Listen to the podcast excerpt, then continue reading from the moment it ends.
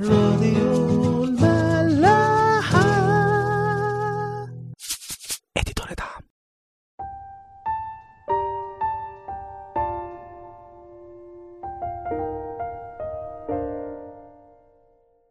أهلا بيكم في حلقة جديدة من عيش وملح. بدأنا آخر مرة الإصحاح الثالث من سفر ملوك أول واتكلمنا عن جواز سليمان من بنت فرعون ملك مصر. وازاي ان رغم ان دي كانت حاجة ربنا محذر شعبه منها ان هم يعني يتجوزوا من بنات الشعوب التانية انما سليمان وهو فاهم روح الوصية كان عارف انه هدف ربنا من الوصية هو حماية شعبه من الأفكار أو العبادات الغريبة واللي أكيد هتؤدي للبعد عنه. إنما في حالة سليمان فمراته دي بالذات رفضت كل العبادات دي وعبدت ربنا مع سليمان. فكان جوازه ده سبب بركة ليها وسبب قوة وسلام طبعا للمملكة كلها عشان بقى ليها تحالف مع أكبر الممالك في الوقت ده اللي هي مصر. خلونا نكمل مع بعض من أول عدد اتنين. يقول كده إلا أن الشعب كانوا يذبحون في المرتفعات لأنه لم يبنى بيت لاسم الرب إلى تلك الأيام وأحب سليمان الرب سائرا في فرائض داود أبيه إلا أنه كان يذبح ويوقد في المرتفعات. يحكي لنا هنا إنه الشعب كان بيرفع ذبايح في المرتفعات عشان ما كانش لسه في بيت لربنا. وناخد بالنا إنه الكتاب بيقول إلا أن يعني إنها كانت حاجة سلبية أو مش كويسة قوي طب ليه مش كويسة؟ وإيه موضوع المرتفعات ده؟ أول حاجة بس عشان نبقى فاهمين المرتفعات هي من اسمها كده أماكن مرتفعة الناس كانت بتختارها عشان ترفع فيها ذبايح لربنا. وهنلاقي أمثلة كتير لناس رفعت ذبايح على مرتفعات من أول سفر تكوين لحد الوقت ده. طيب إيه المشكلة؟ المشكلة إنه كمان العبادات الوثنية كانت بتتمارس بنفس الشكل ده. أي حد يختار أي حتة تعجبه ويرفع فيها ذبيحة للإله بتاعه. ومبقتش بس في الأماكن المرتفعة إنما بقت في أماكن تانية ممكن في وديان أو عند أشجار معينة. أي مكان بقى يعجب الشخص ده. بس مجازا كانت كل الأماكن دي بيتقال عليها لفظ مرتفعات. فهنلاقي بقى ربنا بيحذر شعبه في سفر تثنية الصح ال 12 من الموضوع ده. خلونا نقرأ كده مع بعض من أول عدد واحد لعدد 14 من تثنية 12 هذه هي الفرائض والأحكام التي تحفظون لتعملوها في الأرض التي أعطاك الرب إله أبائك لتمتلكها كل الأيام التي تحيون على الأرض تخربون جميع الأماكن حيث عبدت الأمم التي ترثونها آلهتها على الجبال الشامخة وعلى التلال وتحت كل شجرة خضراء وتهدمون مذابحهم وتكسرون أنصابهم وتحرقون سواريهم بالنار وتقطعون تماثيل آلهتهم وتمحون اسمهم من ذلك المكان. يعني تشيلوا أي أثر للعبادات دي من جوه المكان اللي أنا هديه لكم وبعدين يقول كده لا تفعلوا هكذا للرب إلهكم. بل المكان الذي يختاره الرب إلهكم من جميع أسباطكم ليضع اسمه فيه سكناه تطلبون وإلى هناك تأتون وتقدمون إلى هناك محرقاتكم وذبائحكم وعشوركم ورفائع أيديكم ونذوركم ونوافلكم وأبكار بقركم وغنمكم وتأكلون هناك أمام الرب إلهكم وتفرحون بكل ما تمتد إليه أيديكم أنتم وبيوتكم كما بارككم الرب إلهكم. لا تعملوا حسب كل ما نحن عاملون هنا اليوم. قصده اليوم ده يعني ساعتها يعني هم كانوا لسه خارجين من مصر وكانوا بيعبدوا ربنا في خيمة الاجتماع وكانت الدنيا لسه ما استقرتش وما بقاش فيه بيت لربنا. وبعد كده بيشرح أي كل إنسان مهما صلح في عينيه. لأنكم لم تدخلوا حتى الآن إلى المقر والنصيب الذين يعطيكم الرب إلهكم. فمتى عبرتم الأردن وسكنتم الأرض التي يقسمها لكم الرب إلهكم؟ وأراحكم من جميع أعدائكم الذين حواليكم وسكنتم آمنين فالمكان الذي يختاره الرب إلهكم ليحل اسمه فيه تحملون إليه كل ما أنا أوصيكم به محرقاتكم وذبائحكم وعشوركم ورفائع أيديكم وكل خيار نذوركم التي تنظرونها للرب. وتفرحون أمام الرب إلهكم أنتم وبنوكم وبناتكم وعبيدكم وإمائكم واللاوي الذي في أبوابكم لأنه ليس له قسم ولا نصيب معكم. احترز من أن تصعد محرقاتك في كل مكان تراه بل في المكان الذي يختاره الرب في أحد أسباطك هناك تصعد محرقاتك وهناك تعمل كل ما أنا أوصيك به. بنفهم من الكلام اللي اتقال ده إنه ربنا كان برضه عاذر الناس لحد ما يكون في مكان رسمي هو يحدده لرفع الذبايح اللي هو الهيكل اللي لسه هيتبني. ولو إن كان في خيمة الاجتماع والمسبح وكان داود حتى بيرفع ذبايحه هناك وكان ممكن الشعب وسليمان يعملوا زي داود بس برضه لحد الوقت ده ما كانش في مكان اللي ربنا كان بيتكلم عليه ده اللي هو ينفع يتقال عليه بيته أو الهيكل بتاعه. وده اللي داود حتى كان عايز يبنيه بس ربنا قال له لأ بس ابنك هو اللي هيبنيه. طيب يعني فهمنا هنا إنه اللي كانوا بيعملوه الشعب وسليمان ساعتها حاجة المفروض هتقف مع بنى الهيكل. بس برضه ليه؟ ليه ربنا ما كانش عايز الناس ترفع ذبايح في المرتفعات أو في أي حتة تعجبها؟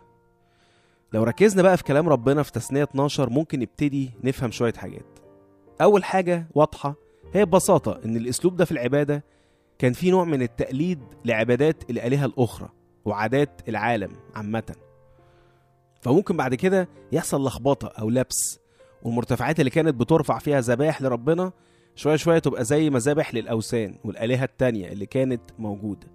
وده اللي فعلا هيحصل بعد كده مع شعب إسرائيل.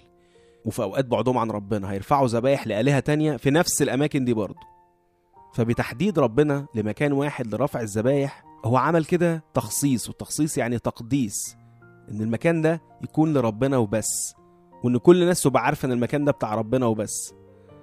فكان ليه غرض في الكلام ده إنه الموضوع ما يكونش فيه لخبطة أو عثرة مع الوقت.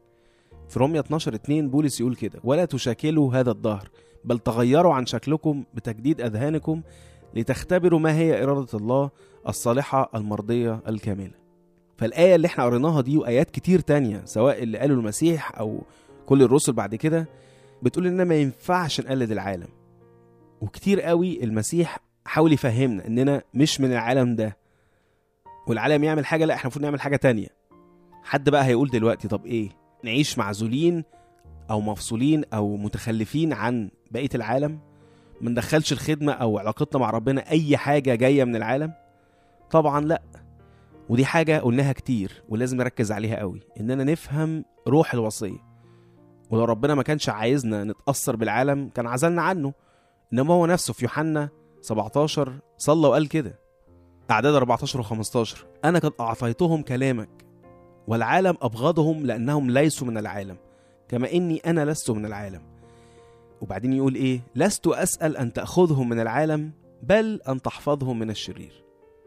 فالمسيح قال كده وقال كمان أنتم ملح الأرض أنتم نور العالم. وقال اذهبوا إلى العالم أجمع وأكرزوا بالإنجيل للخليقة كلها. إنما قصد بقى ربنا إننا نميز. نعيش في العالم بس ما نتأثرش بيه إنما إحنا اللي نأثر عليه. طب أمال إيه بقى؟ طالما الموضوع بالروح أمال إيه برضه مشكلة المرتفعات؟ إيه روح المشكلة؟ هنلاقي إجابة الكلام ده في نفس الحتة اللي إحنا قريناها في تثنية 12 في عدد 8 يقول كده لا تعملوا حسب كل ما نحن عاملون هنا اليوم أي كل إنسان مهما صلح في عينيه. يعني هي دي المشكلة الحقيقية. إن ربنا ما كانش عايز الشعب ده يتفرق. كل واحد يعمل اللي في مزاجه. طب ليه؟ عشان أكيد هيقعوا. طب ليه برضه؟ لأن مع الوقت الشيطان هيستفرد بيهم وهيدخل لهم أفكار غريبة وعبادات غريبة مش من ربنا ولا ليه علاقة بيه. والمشكلة ساعتها هتبقى مضاعفة لأنهم يا ريت هيكونوا عارفين إن هم بعاد عن ربنا وبيعملوا أي خطية. لأ ده على العكس. ده كل واحد هيبقى شايف إنه كمان بيعبد ربنا كده. طيب حد هيقول ماشي. كل ده كان زمان. أيام ما كان في شعب واحد شعب إسرائيل وهيكل واحد. إنما خلاص دلوقتي كلنا بقى فينا الروح القدس. وبقى كل واحد يقدر يميز بنفسه. وكلمة ربنا راحت للعالم كله. ليه بقى مش كل واحد يعبد ربنا بالشكل اللي هو عايزه؟ فين الحرية اللي المسيح ادهلنا؟ فين الحرية من الناموس؟ هو آه إحنا اتحررنا من قيود الناموس إنما مش من روح الناموس لأن الناموس هو من ربنا وفيه روح ربنا وعشان كده إحنا بندرس العهد القديم أصلا مش لمجرد فهم التاريخ بتاع الكتاب المقدس إنما عشان نفهم على قد ما نقدر روح ربنا مين ربنا وعايز إيه مننا وإيه إرشاداته لينا عشان نعرف نرجع له من تاني. أما عن موضوع الحرية فحتى الحرية ليها روح لازم نفهمها والا هتقلب علينا بالعكس.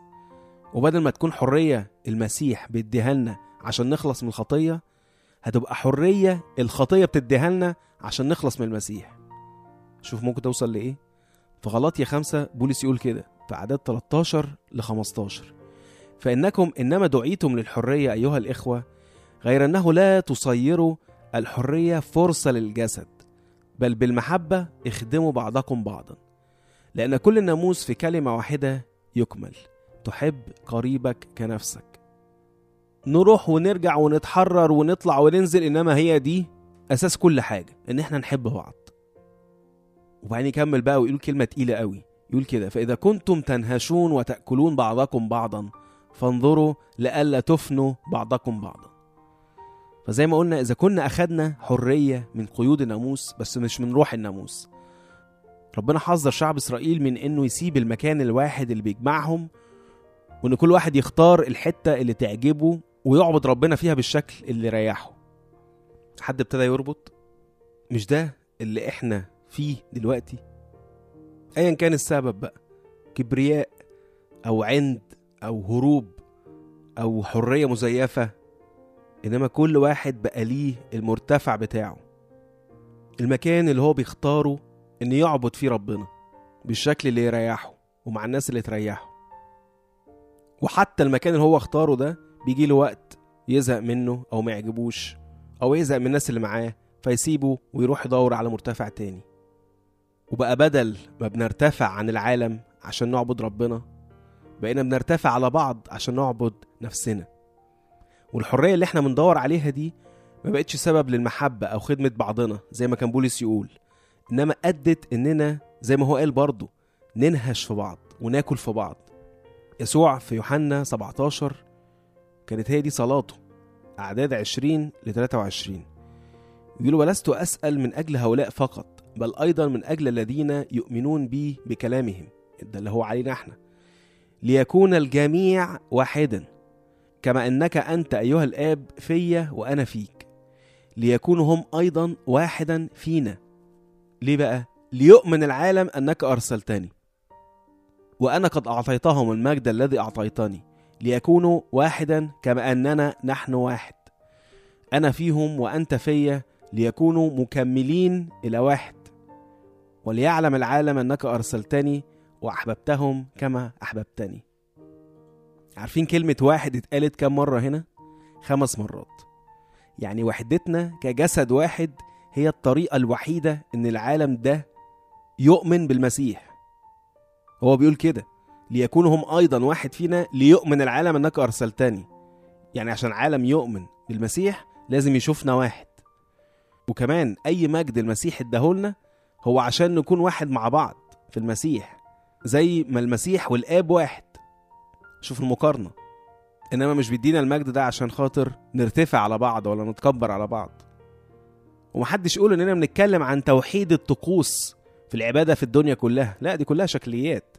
إنما هي وحدانية الروح المحبة والقبول والإحساس إن أي واحد في الجسد ده أعضاء في الجسد اللي أنا فيه. انسوا حتى دلوقتي موضوع الطوائف لأننا ملناش سلطان على الموضوع ده. إنما وحدانية الروح حتى جوه الكنيسة الواحدة ما بين خدماتها وبعض خدامها وبعض. وحدانية الروح حتى جوه الخدمة الواحدة وبدل ما نقعد نبص على الكنيسة كلها ونقول دي القيادات بتاعتها هم السبب ولازم يعملوا ولازم يسووا لا نفتكر كلام بولس في رومية 2 واحد. لذلك أنت بلا عذر أيها الإنسان كل من يدين. لأنك فيما تدين غيرك تحكم على نفسك. لأنك أنت الذي تدين تفعل تلك الأمور بعينها فنبص بقى على نفسنا إحنا على وحدانية الروح في المكان اللي إحنا فيه. وإننا نعمل زي ما ربنا قال لنا ونهدم المرتفعات اللي إحنا بنيناها. ربنا بيقول في الحتة اللي قريناها في تثنية 12 عدد أربعة كلمة صعبة قوي. لا تفعلوا هكذا للرب إلهكم. يعني شوفوا إزاي كلمة تقيله يقول كده اوعوا تعملوا كده فيا في إلهكم. اوعوا تقطعوا الجسد الواحد ده تفصلوا اعضائه عن بعضها. ايا كان الجسد اللي إحنا أعضاء فيه وبنتبعه وأنا عارف إن كتير قوي مننا ممكن ما يكونش عضو في أي جسد أصلا دلوقتي. لا لازم نصلي ونحارب من أجل إن الجسد ده يكون واحد والجسد الواحد ده يكون عضو في الجسد الأكبر. لحد ما الكنيسة كلها تكون جسد واحد والمسيح هو الراس بتاعها. ودي الطريقة الوحيدة إن مجد المسيح يبان في كنيسته وإن العالم يؤمن بيها. وهو قال كده ليكون الجميع واحدا كما أنك أنت أيها الآب فيا وأنا فيك. هم أيضا واحد فينا كما أنك أنت أيها الآب فيا وأنا فيك ليكونوا هم أيضا واحد فينا ليؤمن العالم أنك أرسلتني. أفسس أربعة فيها حتة يمكن معروفة لكتير مننا موجودة في صلاة باكر في الأجبية. بولس يقول كده أعداد واحد لستة. فأطلب إليكم أنا الأسير في الرب أن تسلكوا كما يحق للدعوة التي دعيتم بها. بكل تواضع ووداعة وبطول أناة محتملين بعضكم بعضا في المحبة. مجتهدين أن تحفظوا وحدانية الروح برباط السلام. جسد واحد وروح واحد كما دعيتم أيضا في رجاء دعوتكم الواحد. رب واحد إيمان واحد معمودية واحدة. إله وآب واحد للكل الذي على الكل وبالكل وفي كلكم. عارفين كلمة واحد اتقالت هنا كام مرة؟ سبع مرات. نشوفكم الحلقة الجاية.